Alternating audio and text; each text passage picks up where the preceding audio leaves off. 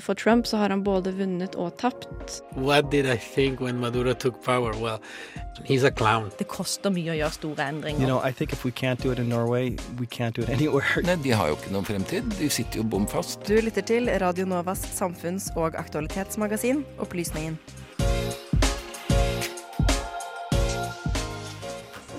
Hjerteslag skaper furore i Texas, der abortreglene har blitt innstrammet. Og nå har satanistene varslet kamp mot de konservative i Texas.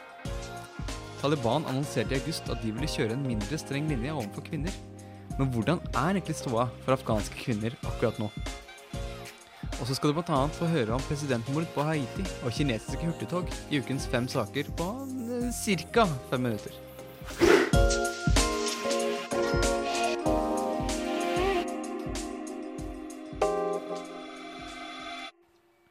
Hei og velkommen skal du være til Opplysningen på Radio Nova.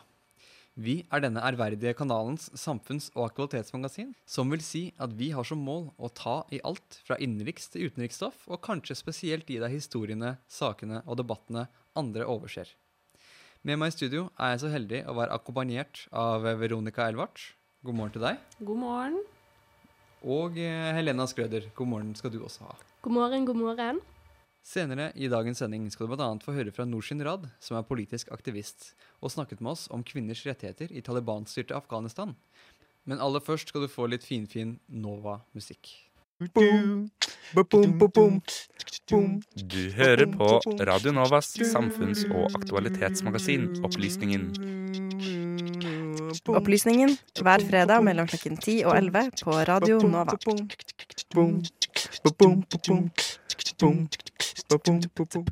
Det er jo kvinnesaker som står i fokus i dagens sending. Og Helena, det er fristende å spørre, som Viggo Valle sa, hvor skal vi reise?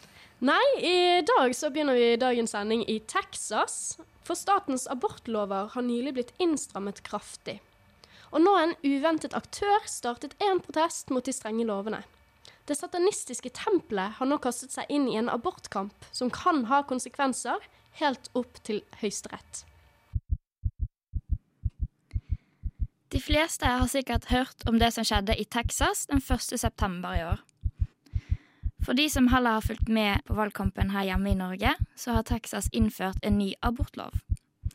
Denne går ut på at om en kvinne eller en person med livmor finner ut at de er gravid, så er det ikke lov til å ta abort etter uke seks. De begrunner dette i at det er på dette tidspunktet man først begynner å høre hjerteslagene til fosteret. Derfor blir den ofte omtalt som The Texas Heartbeat Bill. Denne loven gir ikke unntak for graviditet som følge av incest eller voldtekt. Dette er ikke første gang Texas, eller en annen konservativ stat, har forsøkt å stramme inn abortreglene.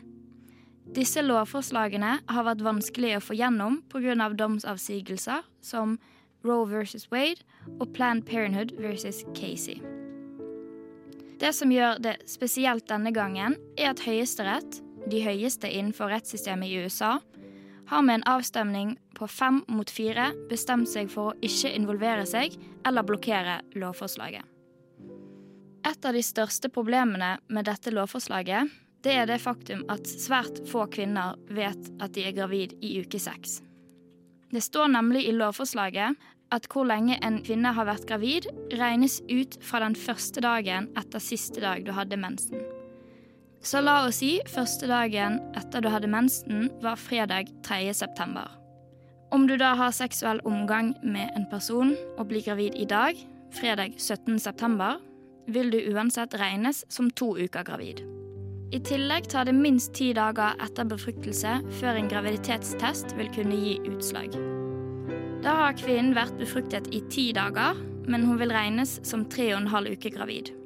Da har hun to og en halv uke igjen på å finne ut av om hun er gravid, før det blir for seint å ta abort.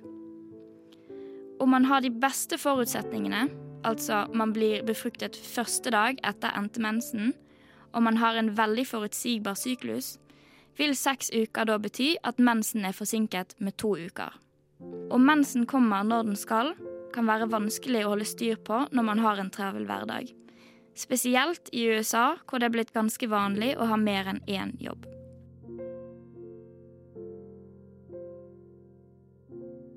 Det mange er redd skal skje pga. dette lovforslaget, er at kvinner går tilbake til såkalte illegale aborter eller hjemmeaborter.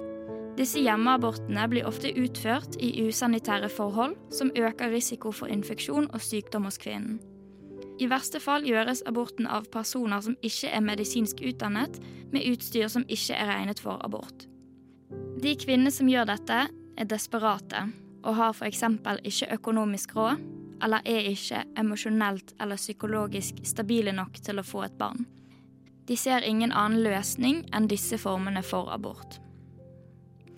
I denne kampen for frihet over egen kropp har kvinnene i Texas funnet seg en litt uforventet alliert, nemlig Det sataniske tempel. Det sataniske tempel, som ikke må forveksles med Den sataniske kirke, er en ikke-religiøs menneskerettighetsgruppe som er basert i USA. De skriver på egen nettside at de ikke tror på eller tilber Satan på noen måte, men at de liker symbolikken som Satan representerer. For de representerer Satan opposisjon mot autoritet. I tillegg representerer Satan viktigheten av å forsvare sin personlige suverenitet. Av denne moralske overbevisningen vil derfor Det sataniske tempel hjelpe kvinner i Texas med å kunne ta valg over egen kropp. De gjør det på følgende måte. I Texas står religion svært høyt. Pga. dette er det innført en lov som kalles The Religious Freedom Restoration Act, eller TRFRA. Denne loven går bl.a. ut på at tjenestemenn og andre offentlige instanser ikke skal sette en stopper for en persons rettighet til å utøve religion eller religiøse riter. Det var her Det sataniske tempel fant sitt smutthull. De har bestemt seg for at de har et religiøst rite ved navn av det sataniske abortritualet. Her kan da medlemmer av den religiøse gruppen få en medisinsk abort helt til uke 24 i graviditetsløpet. Det er gratis å melde seg inn som medlem, og de er åpne for alle. I det sataniske abortritualet får de en abortpille og medisinsk hjelp gjennom prosessen. Pga. loven TRFRA så har ikke Texas lov til å rettslig forfølge kvinnene som velger å ta abort på denne måten. Ved å bruke Texas religionsfrihet mot dem, har Det sataniske tempel tatt et tydelig standpunkt i abortkampen i Texas. Man vet ennå ikke hvor dette leder, og hva som blir resultatet av Det sataniske tempels sin utnyttelse av TRFRA-lovgivningen. Kampen for kvinners rettighet til egen kropp er ikke over, og kampen mellom Texas og Det sataniske tempel er heller ikke avgjort.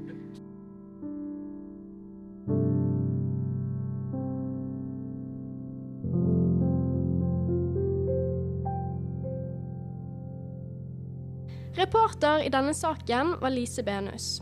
Nå skal vi videre og høre om situasjonen for de afghanske kvinnene. Men først skal du få lytte til 'Dreamer' av Frøkedal. Men det som også er rystende, er på en måte at hvor mye av det som i 2011-2012 opplevdes som helt vanvittig, det er liksom gått inn i et slags sånn politisk hverdagsspråk nå. Veldig mange av de holdningene. Radio Novas samfunns- og aktualitetsmagasin gir deg historiene, sakene og debattene andre overser. Aldri redd, alltid balansert. Vi fortsetter videre fra USA, men USA er fortsatt aktuelt for denne neste saken også, Veronica? Ja, det stemmer det. For etter at Taliban tok styringen i Afghanistan, har mange lurt på hvordan landets befolkning kommer til å leve under Talibans jerngrep. Og kanskje spesielt hvordan kvinnene i landet kommer til å oppleve dette. Hvordan blir livet til de syv millionene kvinnene påvirket av denne styringen, og hvordan ser fremtiden ut? Kvinner skal ikke eksistere i samfunnet. Altså, vi ønsker å slette kvinner fra det afghanske samfunnet. Det er jo det det handler om. For en måned siden tok Taliban makten i den afghanske hovedstaden Kabul. Og de lovet et annet Taliban enn det som ble kastet fra makten i 2001. Men hvordan er det egentlig for kvinner i Afghanistan under Talibans nye regime? Mitt navn er uh, Rad, og jeg er samfunnsviter med en mastergrad uh, i uh, migrasjon og diaspora. Studier fra SOAS University of London. har bakfra Afghanistan og Iran. Noshin forklarer at den faktiske situasjonen for kvinner i Afghanistan er langt unna glansbildet Taliban malte under sin pressekonferanse for akkurat én måned siden. Kvinner i Afghanistan har jo mistet sine grunnleggende rettigheter. F.eks. i utdanning. Vi ser at jenter og gutter har segregerte klasserom. Eh, jenter må dekke til ansiktet. Det er obligatorisk eh, hijab. Eh, utdannede kvinner kan ikke jobbe og de må forbli hjemme. Selv de som har en form for utdannelse, mener Taliban ikke er i stand til å jobbe utenfor huset. Så det vi ser, er et eh, afghansk samfunn eh, hvor kvinner har blitt sletta. Og vi hører jo at jenter helt ned i tolvårsalderen blir tvangsgifta til Taliban-krigere. De blir solgt og holdt som sexslaver, de blir voldtatt. Igjen, ikke sant? Kvinner blir truet for å ikke ha på seg eh, hijaben. Kvinner blir steinet til døde dersom de har, har en kjæreste utenfor ekteskap eller blir funnet skyldig i utroskap. Men kvinnenes svake posisjon er ikke noe som er gjeninnført med Taliban. Faktum er at dette aldri helt forsvant. Det vi ser i dag, eh, er jo bare en, en fortsettelse eh, av det de eh, drev på med i, fra 1996 til 2001. Vi må også huske på at Taliban forsvant ikke plutselig da USA invaderte landet i 2001. Taliban forsvant kanskje fra storbyene, men de beholdt kontrollen og makten i mange distrikter, og utøvde da sharia-loven i disse områdene. De har ikke, de har ikke fått oppmerksomhet eh, fra eh, verdenssamfunnet. Det som skiller Taliban denne gangen fra det Taliban vi kjente sist, er at kvinner nå gjør motstand. Og dette kan koste dem livet. Jeg tror at foreløpig så kan vi se til flere demonstrasjoner i eh, Kabul, og kanskje også andre storbyer. Vi så jo eh, For to uker tilbake så var det jo to journalister fra avisa Etilatros som dekket en av disse demonstrasjonene i Kabul. Demonstrasjoner for kvinnerettigheter, altså. Og de ble jo torturert av Taliban. Og det kommer vi mest sannsynlig til å se mye mer av når eh, kameraene er retta mot eh, et annet sted i verden. For meg akkurat nå så ser det litt eh, Så ser det faktisk veldig mørkt ut. Det eneste lyset jeg ser, er jo motstandsbevegelsen vi har i Panjshir. Det eneste området som ikke er okkupert av Taliban. De er jo da håpet for religiøse minoriteter, for kvinner, for hazare-folket, for LHBT-miljøet. Det er farlig å være kvinne i Afghanistan selv etter 20 år med vestlig okkupasjon. Noe Norsin mener burde bety at Vesten tar mer ansvar. Norge har jo vært i Afghanistan i 20 år. De har uh, mye uh, makt i hendene sine, for de har jo deltatt i den krigen. Og da er det viktig at vi ikke bare tillater dem å forsvinne uten å si noe som helst. Vi må legge press på disse menneskene, på på norske regjeringen og um, vi kan ikke tillate at Norge og verdenssamfunnet eh, anerkjenner eh, en terrororganisasjon som Taliban. Så hva skjer videre i Afghanistan? Som alle saker er det vanskelig å spå. Men det er én ting Noshin virkelig frykter. Og det er hva som skjer når Vestens kameraer drar vekk. Men jeg er litt redd for at når kameraene er borte, når eh, ikke flere internasjonale reportere kommer til Kabul, når de forsvinner, og fokuset og oppmerksomheten ikke lenger er retta mot Kabul og andre kanskje storbyer, da, så vil brutaliteten ta over. De har vist en form for en, en liten brutalitet uh, nå, men vi vil se mer vold da, fra sin side mot demonstrantene. Vi ser jo også bilder fra Kabul at det er kvinner som går i gatene uten mannlig følge, men det er også pga. at verdenssamfunn, altså blikket til verdenssamfunnet er jo retta mot Kabul. Men hvis man ser mot andre storbyer, f.eks. i Mazar-e Sharif, der vi ikke har kameraer, der er det en helt annen virkelighet. Musikken i innslaget kommer fra Cold Case på Blue Dot Session. Reportere i saken var Helena Skrøder og Amalie Sundby.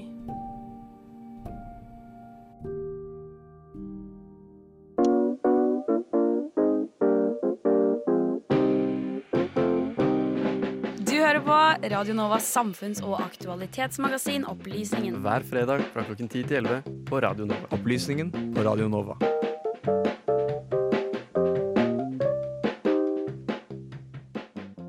januar 2020 snakket vi i Opplysningen med representanter fra norske sex og politikk og internasjonale Planned Parenthood om den såkalte Global Gag Rule, eller Mexico City Policy, som den også ble opptalt som.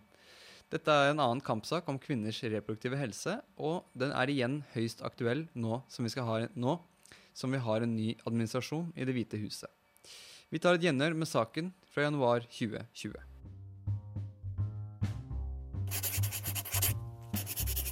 Well, it was the strike of a pen. That's what's so um, kind of scary of, of how efficiently he got this done.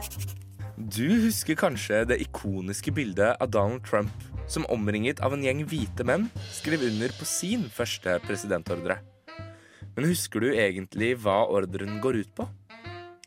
Ordren, som offisielt er kjent som Protecting Life in Global Health Assistance, var president Trumps første ordre i sitt presidentskap. Men hva går denne ordren egentlig ut på? Jeg tok turen ned til Stortinget, der organisasjonen Sex og politikk var samlet for å snakke om hvordan denne loven har preget verden tre år etter at den ble innført. Der møtte jeg Chloé Cooney fra organisasjonen Planned Parenthood Federation of America. Og jeg spurte henne hva denne loven, eller som den ofte omtales som Global Gag Rule, er for noe. The global gag rule is uh, an insidious policy. Um, it's been around as a concept uh, for a number of years, uh, starting in, with Ronald Reagan in 1984, um, where he put a condition on international family planning assistance that anyone who received that funding uh, was prohibited from using any source of funding, including their own personal money, not from the U.S. government, to do any activity related to abortion, even counseling, referral, education. Uh, direct services, and even prohibits um, those organizations from advocating for the uh, legalization of abortion in their own countries. So, very anti democratic. It's been on and off depending on who was in the White House. Um, and Trump, on his first Monday in office, just days after the historic and global women's marches, not only reinstated it, but dramatically expanded it. So it now applies to all of U.S. global health assistance, um, which is a, about a $9 billion portfolio and uh, vastly sort of reaching ever. Altså var ikke Trump geniet bak denne loven. Men allikevel så blir den mer snakket om nå enn det den ble tidligere. Grunnen til dette er at loven nå er mye verre enn før. Forrige gang loven var aktiv, ble den innført av president George Bush jr. i starten av hans presidentskap, og ble så fjernet av president Obama. Bush jr. sin lov hindret rundt 600 millioner amerikanske dollar fra å bli utdelt i bistand. Trumps versjon av loven hindrer nærmere 9 milliarder dollar fra å bli utdelt i bistand. Um.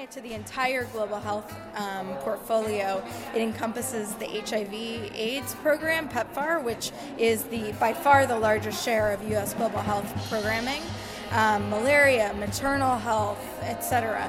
So, um, you know, in a time when for the last decade, we've been working so hard to ensure global health is more intersectional and connected so that um, patients can get all the care they need in one doctor's visit. The gag rule really undermines that goal, um, and it's cutting off, you know, the most qualified sexual health providers, which again are vital for not only reproductive health, but maternal health, but HIV as well. Men dette er ikke det eneste problemet med denne loven.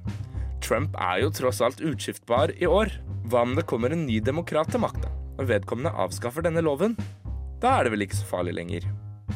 Chloé mener det fortsatt kan være det, nettopp fordi konsekvensene er så langvarige. It's a really important point because, you know, under Obama, we did not, he lifted the global gag rule, um, but we spent a lot of that time trying to undo the damage the policy had had in the previous eight years, and now it's back. Um, and a lot of, we heard today in, in our session about um, the example of the IPPF member association in Ghana who, who never really regained their footing in the eight years that Obama was in office. So I think while um, any action to remove the global gag rule will be welcome, um, that's not enough. We need a permanent repeal to this policy so it's not a cloud hanging over the head of development work worldwide. Um, but we also have to go further than that because simply not having a global gag rule is not the ambition, the full extent of the ambition of the reproductive rights movement. We need to see much more ambitious policies like repealing the Helms Amendment, which is the prohibition uh, on foreign assistance funds for um, certain abortions. We and we need to have much more positive policies as well that proactively advance and prioritize sexual and reproductive health and rights internationally.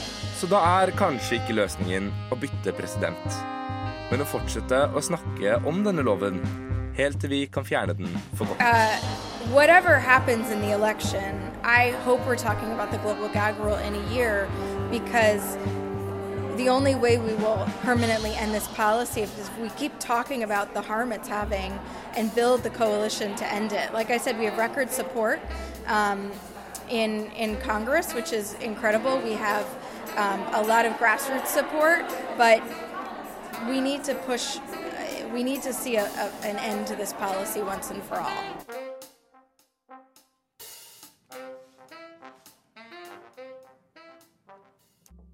Før vi tok en liten pause, hørte vi fra Chloé Cooney om The Global Gag Rule og dets monumentale konsekvenser. Den 23. januar, treårsdagen for denne regelen, hørte vi også med Kjersti Haugland, seniorrådgiver i Foreningen for seksuell og reproduktiv helse og rettigheter, sex og politikk.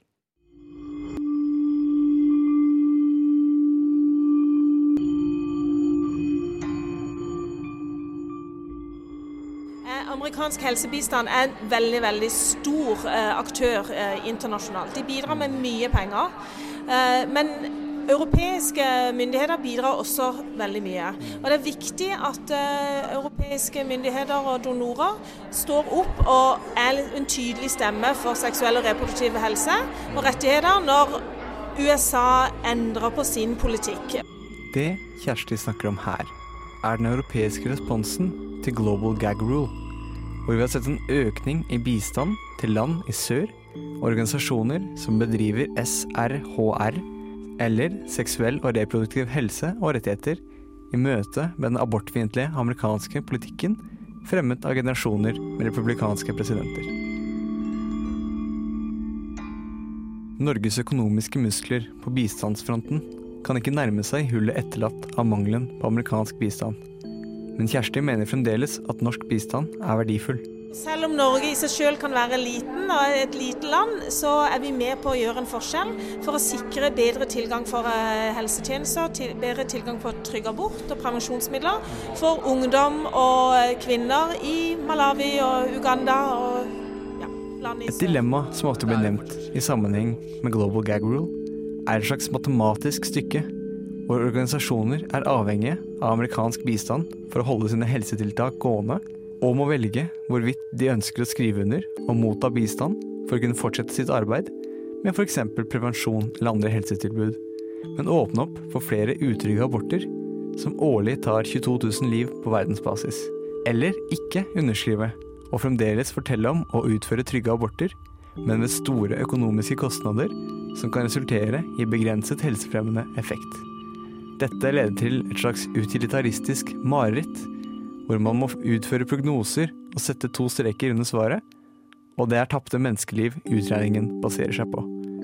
Kjersti satte ord på dilemmaet slik. Det er en veldig velkjent problemstilling. og altså, Sexpolitikk er jo en del av International Planned Parenthood, som er den største federasjonen for seksuell og reproduktiv helse og rettigheter internasjonalt. Vi har søsterorganisasjoner i 160 land. Eh, og vi, eh, vi sier at eh, felles så kommer vi aldri til å signere en sånn type politikk som Global Gag Rule. Fordi at de, det kompromisser på de tjenestene som vi eh, ser at er viktig å tilby. Helhetlige tjenester. Eh, og vi vil kunne snakke også om de vanskelige tingene. Så, så for oss som IPPF så er det eh, liksom en vedtatt politikk at det, det, gjør vi ikke. For da kompromisser vi med, med våre egne verdier og, og vårt helsetilbud. Men jeg kan jo også forstå at det er vanskelig for eh, små og store organisasjoner som kanskje har 90% av finansieringen sin da fra USA. Så da er det litt sånn eh, uh, forsvinn. Altså, skriv under eller, eller forsvinn. Kjersti kan fortelle at i en ideell fremtid er ikke disse helsefasilitetene like avhengige av internasjonale hjelpepenger, ser for seg at man kan utbygge sivilsamfunnene i verdens mest rammede nasjoner. Sånn at Norge var jo ikke bygd opp bare, bare med statlige eh, institusjoner. Sånn, samarbeidet mellom fagbevegelsen og sivilsamfunn og ulike aktører er sentralt for å få et godt uh, demokratisk samfunn uh, som kan tjene alles interesser. Uh, så, så, det med å, å, tenke på at det er også en viktig modell i forhold til å bygge opp mer bærekraftige organisasjoner, som da kanskje i fremtiden, hvis vi får global gag rule igjen, vil være mindre avhengige av bare finansiering fra USA og kan derfor i større grad ha ryggrad til å si nei, vi skriver ikke under. Vi mister 30% av pengene våre, men OK, vi klarer oss likevel å prøve å finne midler andre steder. Men historien slik den er i dag, forteller fremdeles om organisasjoner som ikke har noe annet sted å se til, og dermed fungerer Global Gag Rule for øyeblikket som intendert av sine forkjempere i Det hvite hus, enn så lenge. Reportere i denne saken var eh, Sander Zakaria og Sebastian Hagel. I januar reverserte Joe Biden the global gag rule, som demokratiske presidenter har for vane å gjøre, som gjør at bistanden til internasjonale organisasjoner som jobber med kvinners reproduktive helse, nå er tilbake igjen. Et eksempel Amnesty International trekker frem, er International Planned Parenthood Federation, som mistet hele 800 millioner kroner i amerikansk støtte under republikaneren Trump, som trolig nå returnerer under demokraten Biden. Opplysningen hver fredag mellom klokken 10 og 11 på Radio Nova. Aldri redd, alltid balansert. Opplysningen.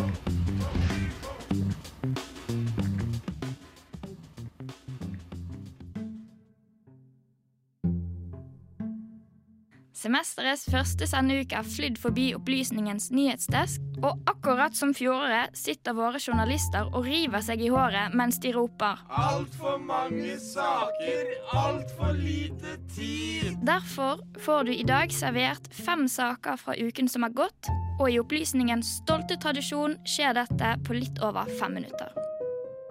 Er du en togelsker, må du åpne øra nå. Kina har nemlig denne uken vist fram en prototype for en ny type lyntog. Toget når en toppfart på hele 620 km i timen, og vil ifølge kinesiske myndigheter være klar til bruk om tre til ti år. Det nye supertoget tar plass i en lang rekke med innovasjoner på den kinesiske hurtigtogfronten. Kina har nylig fullført en hurtigtoglinje mellom Beijing og Zhangjiakou, som har forkortet den tre timer lange reisetiden ned til 47 minutter. Det nye hurtigtoget viser at Kinas toginnovasjoner gjør landet til et spennende interessepunkt for togentusiaster. Fra ny teknologi i Kinas transportbransje til innskrenking i underholdningsbransjen. I Kina er det nå ikke lov for barn under 18 år å spille online videospill i ukedagene. På fredager og i helgene er det bare lov å spille i én time hver dag. Mellom åtte og ni på kvelden når de fleste barn burde sove uansett. Myndighetene mener at de gjør dette for å unngå at dagens ungdom skal bli avhengig av gaming, og sammenligner det med heroin, og gir gaming kallenavnet spirituell opium. For å få seg brukerkonto på spillplattformer må de bruke sine virkelige navn, så det er ikke mulig med flere brukere. Du har altså bare tre timer i uken til å stige i ranks i League of Legends. Dette lover med andre ord dårlig for dataspillglad kinesisk ungdom. Videospill er ikke lenger like tilgjengelig for barn i Kina. Og en annen som var utilgjengelig, var Storbritannias utenriksminister Dominic Raab. Det ble ramaskrik i Storbritannia da nå tidligere utenriksminister Dominic Raab forsømte sitt ansvar da Kabul falt under Talibans jerngrep tidligere i år. Blant annet Nato har fått kraftig kritikk for hvordan det afghanske korthuset alle trodde skulle tåle en orkan, tumlet sammen etter en frisk bris. Raab har derimot ikke bare fått kritikk for hvor fort det falt, men også hans manglende evne til å ta ansvar da hendelsen forløp. Da det ble klart at Afghanistan hadde falt til Taliban, ble det lagt mye press på britiske myndigheter for å få mennesker som hadde jobbet for britene hjem, før de ble straffet av Taliban. Da det ble klart at Afghanistan hadde falt til Taliban, ble det lagt mye press på britiske myndigheter for å få mennesker som hadde jobbet for britene hjem, før de ble straffet av Taliban. Raab, som var på ferie på Kreta, overlot ansvaret med å ringe til Afghanistans utenriksminister til statssekretæren for Utenriksdepartementet, sir Zack Goldsmith. En jobb mange mener Raab burde tatt, selv om han koste seg på ferie i Middelhavet. Han nektet også å komme hjem fra ferien, selv etter at sjefen sjøl, Boris Johnson, ba han om å komme hjem. Nå har Raab fått en ny rolle i Boris Johnsons regjering som justisminister.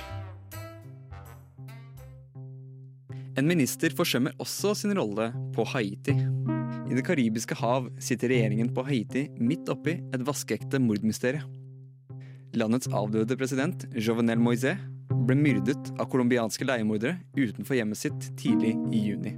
Nå har mistanken blitt rettet mot hans statsminister, Ariel Henry, som denne uken har sparket aktoren som undersøkte hans kobling til drapet, en statsadvokat med navnet Bedford Claude. Han har også gjort et forsøk på å avskjedige både justisministeren og sekretæren for Øynasjonens ministerråd i den samme sammenhengen.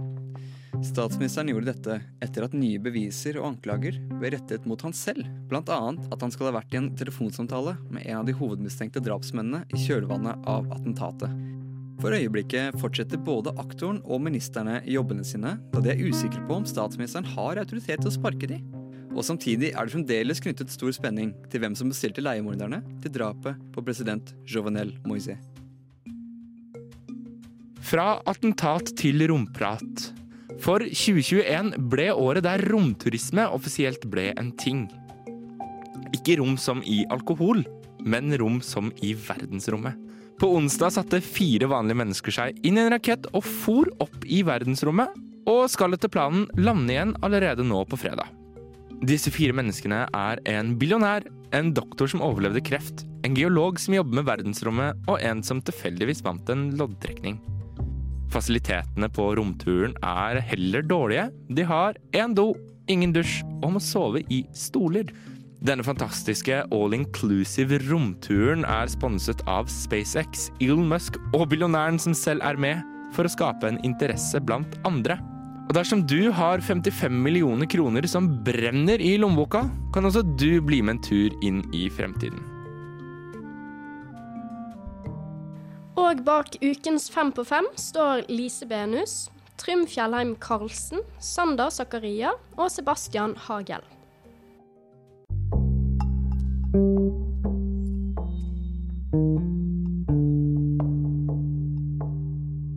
And this is insane. I've never seen this in any other country. Never in my life.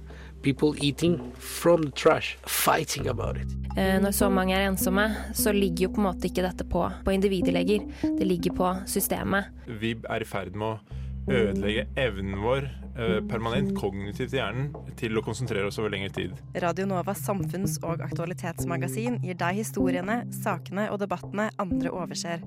Aldri redd, alltid balansert. Opplysningen 99,3. Da har vi nådd eh, veis ende for denne ukens sending, men vi er tilbake hver fredag fra klokken 10 til 11, så det er bare å glede seg. Medvirkende til ukens sending har vært Lise Benus, Helena Skrøder, Amalie Sundby, Trym Fjellheim Karlsen og Sander Zakaria. I studio har jeg hatt med meg Veronica Elvart og Helena Skrøder. Min produsent det har vært eh, Trym Fjellheim Karlsen. Mitt navn er Sebastian Hagel. Eh, Følg opplysningen på dine sosiale medier, bl.a. Facebook og Instagram, der vi er eh, mest aktive. Du kan også høre oss på podkast der du lytter til podkaster, f.eks. Spotify, Apple Podcasts eller SoundCloud f.eks. Lytt til eh, Studentnyhetene etter oss. De har eh, gjort klar en eh, liten sending om eh, Radio Novas valgvake, som var nå på mandag. Og uten mer om og men tror jeg det er på tide at vi sier god helg. God helg. God helg. God helg. Du lytter til en podkast av Opplysningen på Radio Nova. Opplysningen på Radio Nova? Opplysningen på Radio Nova?